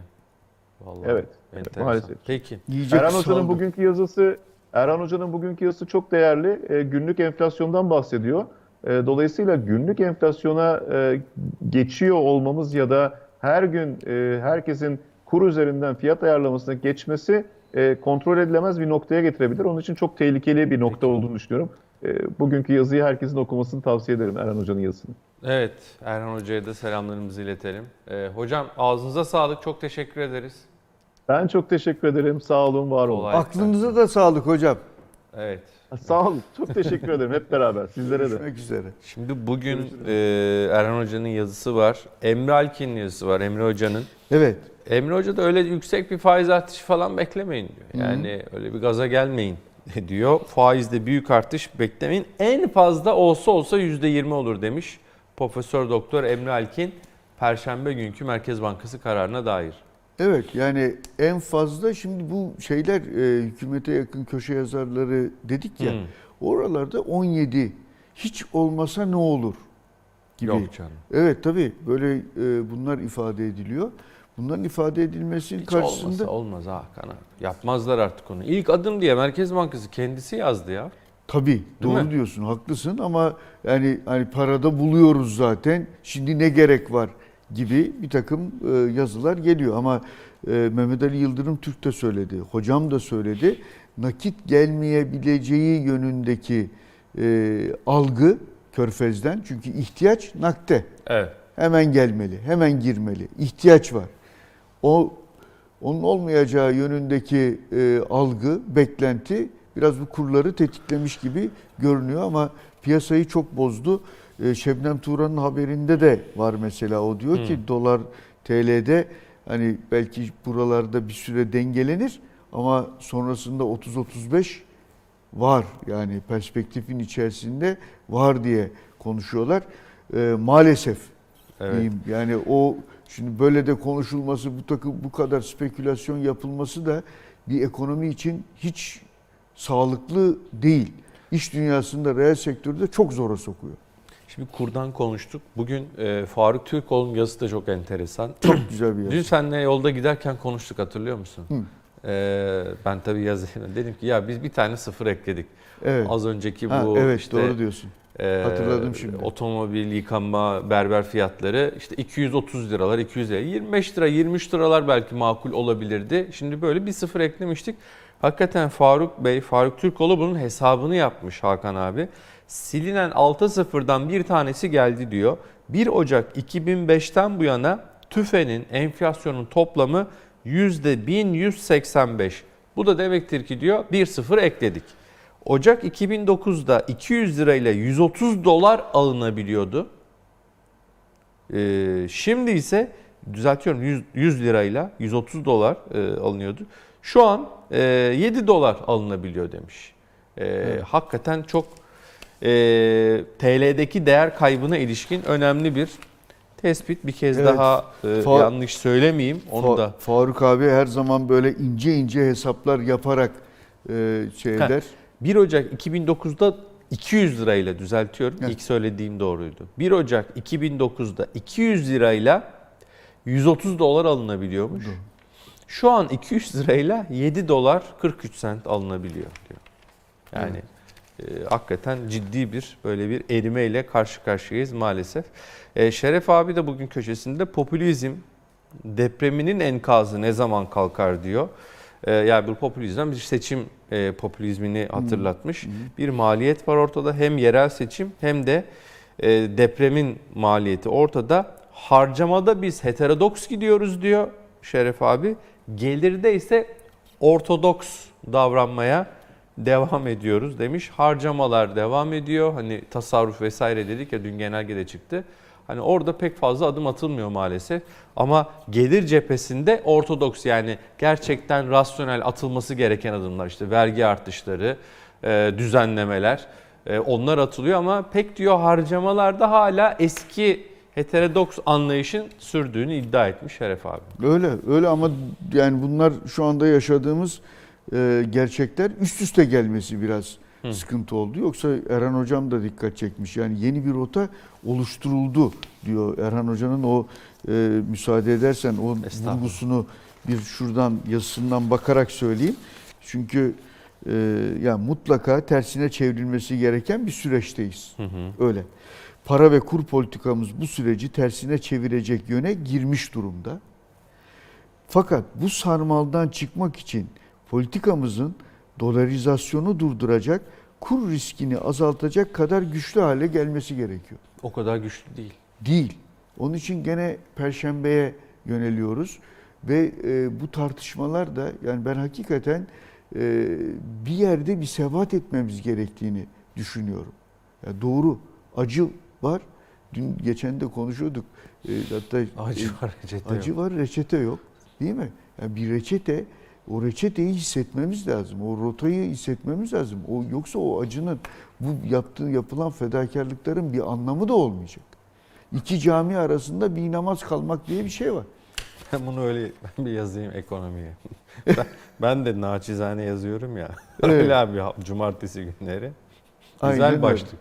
E, e, öyle ama gerçekten. Hani dedik ya ne İsa'ya ne Musa'ya. Peki. Evet. Ben Zeynep Gürcanlı'ya döneceğim. Evet biraz İzninle. Zeynep Gürcanlı Şu hakikaten bir açalım. gündemi değiştirsin Evet, yani evet, vallahi. bir havamızı alsın Bunu aldık Zeynep yani. Gürcanlı. O- Ondan çok güzel bilgiler gelir şimdi. Yurt dışına şöyle bir açalım. Zeynep hoş geldin, günaydın. Hoş bulduk. Ee, şimdi NATO zirvesini soracağım ama gazetecilikte değil mi Hakan abi burada e, sıcak haber her zaman eski haberi bir döver öne geçer. Öyle. Şimdi Körfez ziyaret e, bu ziyaretten beklentiler Suudi Arabistan işte TOG'ların e, hediye edilmesi daha önce aramızın iyi olmadığı Suudi Arabistan Birleşik Arap Emirlikleri ile gerçekten sıcak bir diyalog ve Katar da bunun içerisinde. Nasıl görüyorsun bu çıkarmayı? Çok ciddi bir iş adamı grubuyla Cumhurbaşkanı Erdoğan gitti. Beklentiler yüksek. Senin yorumunu yurt dışında takip ediyorsundur e, basını. Neler konuşuluyor?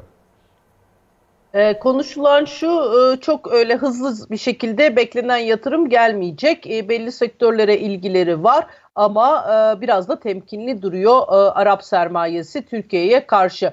E, onu söylemek gerekiyor. E, o TOG, e, onun üzerinde özellikle durmak lazım. E, çünkü daha önce de bu e, yayınlarda söylemiştim. Biz TOG'u hediye ettik ama e, Suudiler, İsra, e, Suudiler e, anlaşmaya girdi Çin'le. Ve onlar da kendi elektrikli arabalarının peşine düştüler bile. E, açıkçası rakibe rakip bir araba hediye etmiş olduk. Onu da söylemek lazım e, bir anlamda.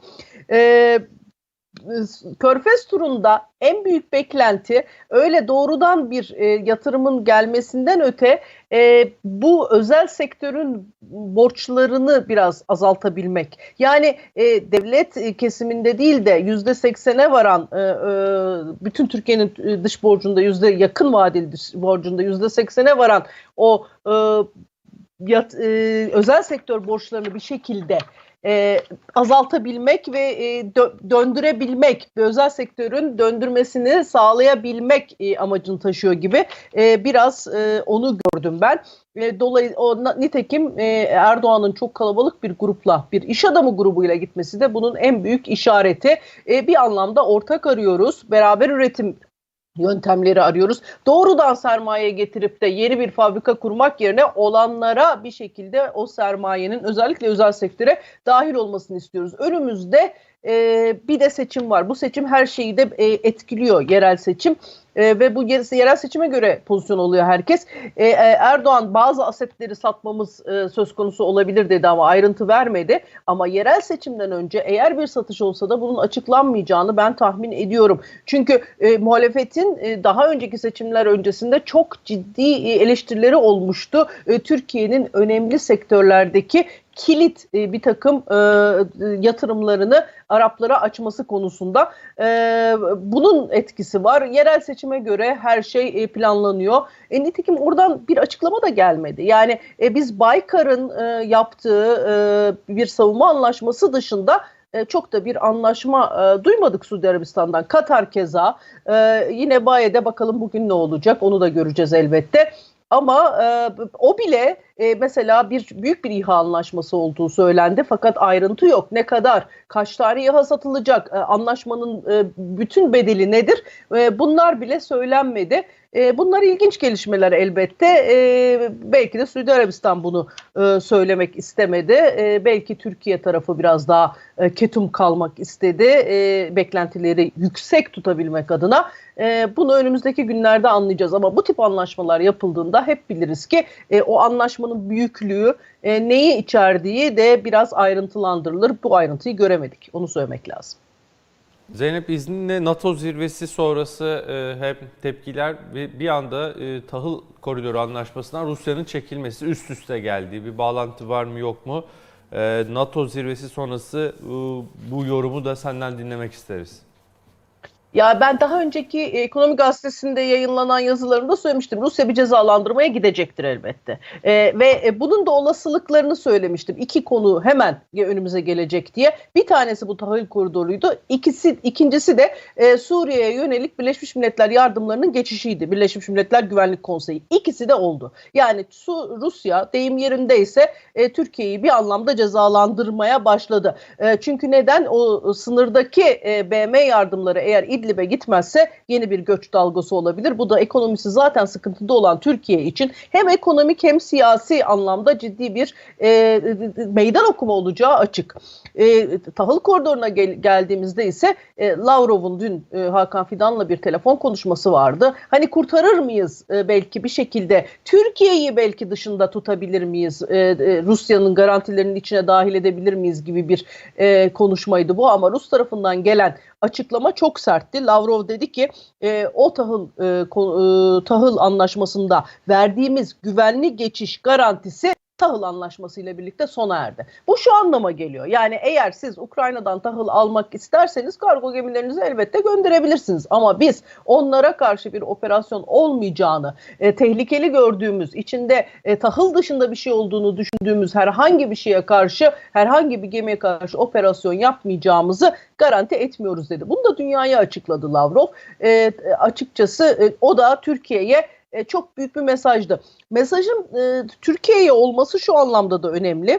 E, çünkü Türkiye e, e, dünyanın en büyük un ihracatçısı, aynı zamanda en büyük ikinci makarna ihracatçısı. E, tahıl olmadan bunları e, yapabilmek aslında çok da e, mümkün görünmüyor. Yani ihracatı sekteye uğrayacak e, dolaylı olarak Türkiye'nin e, ve e, biz çünkü o tahıl koridorundan gelen buğdayın yüzde onunu Türkiye alıyordu. E, bu da çok ciddi bir miktar oluyordu zaten.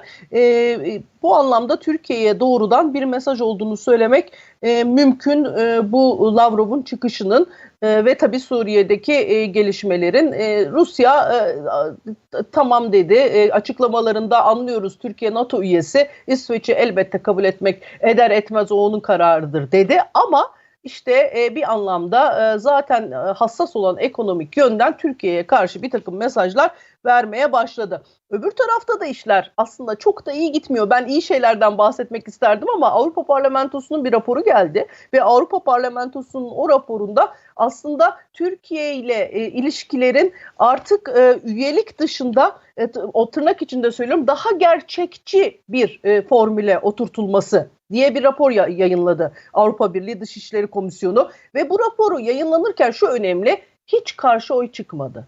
Yani komisyonda oylandı. E, herkes evet verdi. Arada e, bazı e, katılmayanlar vardı. Ama e, karşı oy çıkmadı. Yani Avrupa Parlamentosu'ndaki hava aslında Avrupa'daki Türkiye bakışını da gösteriyor. Ee, üyelik dışında bir formül geliştirilsin havası giderek e, yayılıyor. Oysa NATO'da ne demişti e, Cumhurbaşkanı Erdoğan? NATO'nun genişlemesiyle Avrupa Birliği'nin genişlemesi bir tutulmalı ve bizim genişleme e, Avrupa Birliği'ne dahil olma sürecimiz hızlandırılmalı demişti. Hatta o kadar Avrupalı parlamenterler hızlı bir harekete geçtiler ki bir önerge de eklediler ve ikisinin alakalı olmadığını da son anda eklediler rapora. Yani Türkiye'nin üyeliğiyle Avrupa Birliği'ne NATO'nun genişlemesinin hiçbir alakası yoktur da rapora özellikle eklediler. E, Avrupa Birliği'nde durum çok iç açıcı değil. Bir başka unsur yine NATO genişlemesiyle bağlantılı biliyorsunuz F e, F-16'lar almak istiyorduk Amerika'dan. E, tamam e, Biden yönetimi de destek verecek ama kongrede bir takım e, kıpırdanmalar var ve bu kıpırdanmalar çok olumsuz yönde.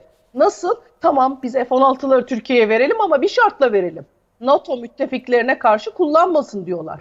E, bu şu anlama geliyor. Ege'de kullanamayacağız o F-16'ları.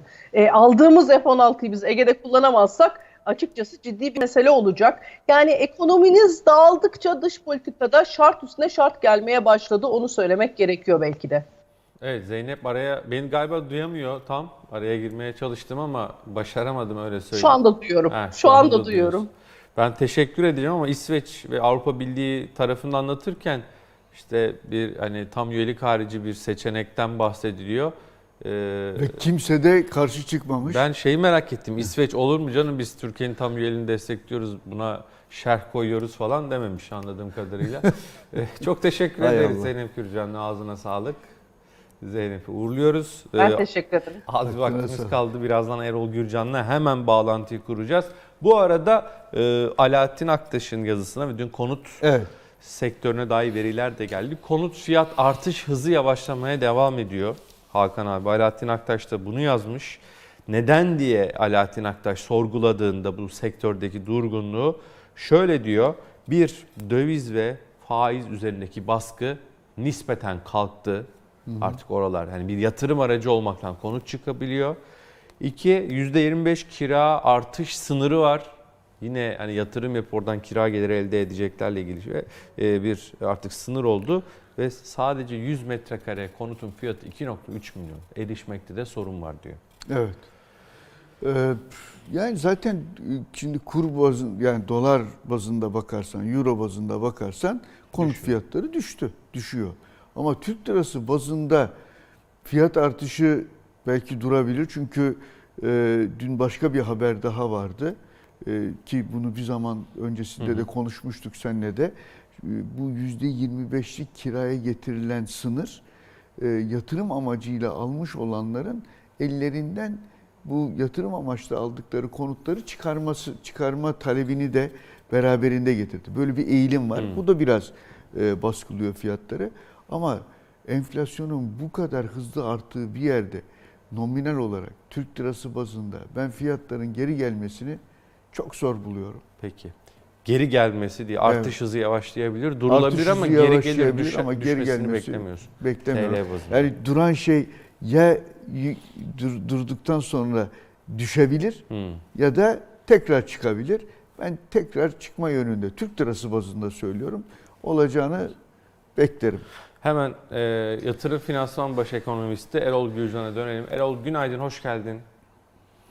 Günaydın, hoş bulduk. İyi yayınlar. Teşekkürler. E, piyasa oldukça hareketli, onu görüyoruz dün. Kurda işte %2'lik e, hareket vardı. 27 e, dolarda, Euro'da 30'lar. E, borsada da e, sert bir satışla geri geldik. E, hem belki biraz hafif dünü yorumlayıp e, bugüne dair beklentiler. Bu hafta Merkez Bankası da var. Konuşmaya devam ediyoruz. E, söz sende. Ee, burada aslında dün özellikle Merkez Bankası'na ilişkin beklentilerde e, daha düşük bir faiz artışı olabileceğine dair e, beklentilerin de bir miktar öne çıktığını söyleyebiliriz. Burada özellikle hafta sonu gelen e, güçlü vergi artışları vardı. Arkasından hükümete yakın bazı köşe yazarlarının faiz artış konusunda e, piyasanın beklediği gibi e, yani 5 puanlık bir artış değil daha kısıtlı 2,5-3 puan civarında bir artış olabileceğine dair e, verdiği mesajlarda bir miktar burada e, oynaklığı artırıcı etkiye sahip olduğu gibi gözüküyor. E, yarın Merkez Bankası toplantısını takip edeceğiz. Bugünkü gündeme baktığımız zaman yurt dışında açıklanacak e, kritik bir e- ekonomik veri bulunmuyor. E, Sayın Cumhurbaşkanı Erdoğan'ın e, Körfez ziyaretinin son ayağı olan e, Birleşik Arap Emirlikleri'ndeki e, yapacağı temasları takip ediyor olacağız. Buradan gelecek mesajlar izleniyor olacak. Onun haricinde e, küresel tarafa baktığımız zaman da dün Amerika'da açıklanan aslında sanayi üretim ve perakende satış verileri beklentilerin altında kaldı ama e, açıklanan bilançolar halen nispeten kuvvetli kalmaya devam ediyor ve e, Fed'in de Temmuz ayında bir faiz artışına daha gideceğine dair piyasa fiyatlamaları da %100 e, ihtimal ulaşmış durumda. Şu anda aslında baktığımızda e, Amerika tarafında e, pozitif reel getiriye geçilmişti zaten ve Fed bekleniyor politikasına geçmişti. Aslında şu anda eldeki ekonomik veriler ve enflasyon görünümüne baktığımızda ilave bir faiz artışına ihtiyaç yok gibi gözüküyor ama piyasa fiyatlamaları bunun aksini işaret ediyor. Bu tarafta da önümüzdeki hafta piyasa açısından önemli olacaktır. Bizim açımızdan yarınki Merkez Bankası toplantısı kritik. Piyasanın beklentisi aslında burada politika faizinin yaklaşık 5 puan artışta e, %15'ten 20'ye yükseltilmesi yönündeydi ki Merkez Bankası beklenti anketine baktığımızda, piyasa katılımcılar anketine baktığımız zaman da 12 ay sonrasına ilişkin piyasadaki beklentiler 33'ün üzerinde, 24 ay sonrasına ilişkin beklentiler de 19'un üzerinde. Yani burada aslında en azından 24 ay sonrasına ilişkin beklentileri aşacak bir politika faizine dair beklentiler vardı ama e, burada da son günlerdeki bu hem güçlü vergi artışlarının oluşturacağı büyüme tarafındaki yavaşlama ihtimali artı e, başta da e, dikkat çektiğim e, bazı beklentilerin paylaşılması sonrasında e, sanki 2,5-3 puanlık bir artış görülme ihtimali de biraz daha e, öne çıktı gibi gözüküyor. Bu durumu görürsek e, kur tarafındaki yükselişin devam ettiğini e, görebiliriz. Aynı önceki toplantıda olduğu gibi. Borsa açısından da bugün belki bir miktar beklemede kalınabilir ama e, burada da yine gelecek olası haber akışları özellikle Körfez ziyaretinden gelecek haber akışları oynaklığı bir miktar artırma ihtimalini de taşıyor diyebilirim. Sevgili Erol çok teşekkürler değerlendirmelerin için. Kolaylıklar diliyoruz. Yatırım Ben teşekkür ederim. Baş Ekonomisti Erol Gürcan bizlerleydi. Hakan abi sonuna geliyoruz. İstersen anketle e, yavaş Bitirelim yavaş her zaman Eklemek gibi. istediğin varsa lütfen ekle. E, sözü sana bırakayım son. Yani ben e, Erol Bey'in e, yorumlarına çok katılıyorum. Yani çok e, şey bir a- aklı selim bir değerlendirme yaptığını düşünüyorum. Hı hı. Biraz daha bu şey devam edecek herhalde bu hareketlilik ama yani kurlardaki hareketliliği diyorum biraz da yukarı doğru olma ihtimali de yüksek. Çünkü artık öyle oluşmaya başladı. Yani sanki e, piyasadaki bugün de en azından algı e, yarınki Merkez Bankası kararından öyle çok da yüksek bir faiz artışı çıkmayacağı yönünde. Yani çok da yüksekten aslında kasıt da 500 puan. Çünkü bir, bir önceki 650 idi. 650'nin üstünde bir faizi zaten bekleyen kimse yok. Her zaman ilk hamle daha, Daha büyük. oluyor. E, yani 500'ün de demek ki altında kalacağına göre piyasayı tatmin etmeyeceği, e, şeyden de e, Körfez'den de öyle hemen bir nakit gelmeyeceği anlaşılıyor. E, yani bunların hepsinin etkisi kurları biraz daha hareketli tutacak. Dün Ali Ağaoğlu'yla e, yayındaydık. Ali Ağaoğlu'na peki dedim olması gereken ne Ali abi? E, en az 45 dedi. Politika faizinin bence olması Artık oraya gereken. geldi değil mi? Tabii tabii. Yani daha Piyasa faizi 45 çünkü. Evet yani bu bunların 25-30'lar seviyesinde e, belki politika faizin hani orada şekillenmesi ilk yönetim değişikliğinde yani Hı hı. Merkez Bankası ve e, Ekonomi e, Hazine Maliye Bakanlığı'ndaki ilk değişim neticesinde enflasyon beklentilerine şöyle baktığımızda belki 30'lar falan keserdi. Ama şimdi vergi zamları, işte ücret zamları, enflasyon beklentilerinin yıl sonu 55-60'lara doğru gidiyor olması bu alandaki hani kesecek faizi diyelim ben biraz yukarıya çekti. E, Ali abi 45 dedi tabii. Evet. Yani onun olması gerekeni söylüyor. Olacağı farklı bir şey muhtemelen. Bu akşam Fed de var değil mi? E, FED 20'sinde ol, e, bu akşam mı? Tabii e, bu akşam e, değil yok. Değil bu mi? akşam değil, Değil. 26'da. Ay, tamam pardon çok doğru. Bizden sonrakinde, biz bir hafta sonrakinde. Evet, evet. Yani orası da Haftaya çarşamba. bizim karar çarşamba değil. Fed'den e, önce olacak. Yani bizim Evet, evet. Merkez Bankası'nın kararı Fed'den önce olacak. O da e, bakalım yani e, çünkü orada hala bir faiz Var, arttırım son bir riski faiz artışı gelecek galiba. ge- ufak. gelme ihtimali hala var. O da e, bizi iyice farklılaştırabilir. Ali Ağaoğlu deyince şu aklıma geldi. Ay, e, Ağaoğlu diyordu ki ya bu bizim şans sohbetlerinde e, şeyde de Euro'da da güzel bir çıkış oldu. Burada bir şey var. ilave bir kazanç oldu. Yani parite karşısında yani dolar Euro, dolar. karşısında bir faiz artışı ihtimaline karşı böyle biraz hece etse ihracatçı elinde euro bulunduranlar biraz hece etse daha doğru olur e, gibi bir böyle bir şey vardı, bir tavsiyesi vardı. Ama bugün bizim haberde Hilal Sarı'nın haberinde gördüm ki beklentiler 1.20'ye doğru da gider mi acaba gibi. Yani bayağı çalkantılı bir dönem bizi bekliyor. Evet, e, 1.12.50'ler civarında euro dolar. Evet ama 1.06'dan oraya geldi. Evet, orada 1.20'ler konuşulmaya başlandı. Evet. Ee, dolar ve euro tarihi zirveyi gördü dedik. Kurlar yükselmeye devam eder mi diye sordu arkadaşlarımız ankette. Bu seviyede kalır diyenler %6. Merkez Bankası kararı sonrası düşer diyenler %6. Yavaş yavaş yükselir diyenler %56. Evet. Rally daha yeni başladı diyenler %33. Evet. Ee, yani tahmin, anket yukarıyı biraz daha işaret ediyor gibi Öyle, öyle Ee, görünüyor. gazetenin anketi. Çok teşekkürler Hakan abi. Ben teşekkür ediyorum Barış'cığım. Hem ağzına hem aklına sağlık. Vallahi evet günde böyle yoğun bir yayın oldu. Evet. Dolu dolu yayın oldu. Çok teşekkür ediyoruz izleyenlere de. Yarın sabah 7.30'da başlayacak e, ekonomi masası sevgili Berfin'le bizler de 8'de burada olacağız. Allah'a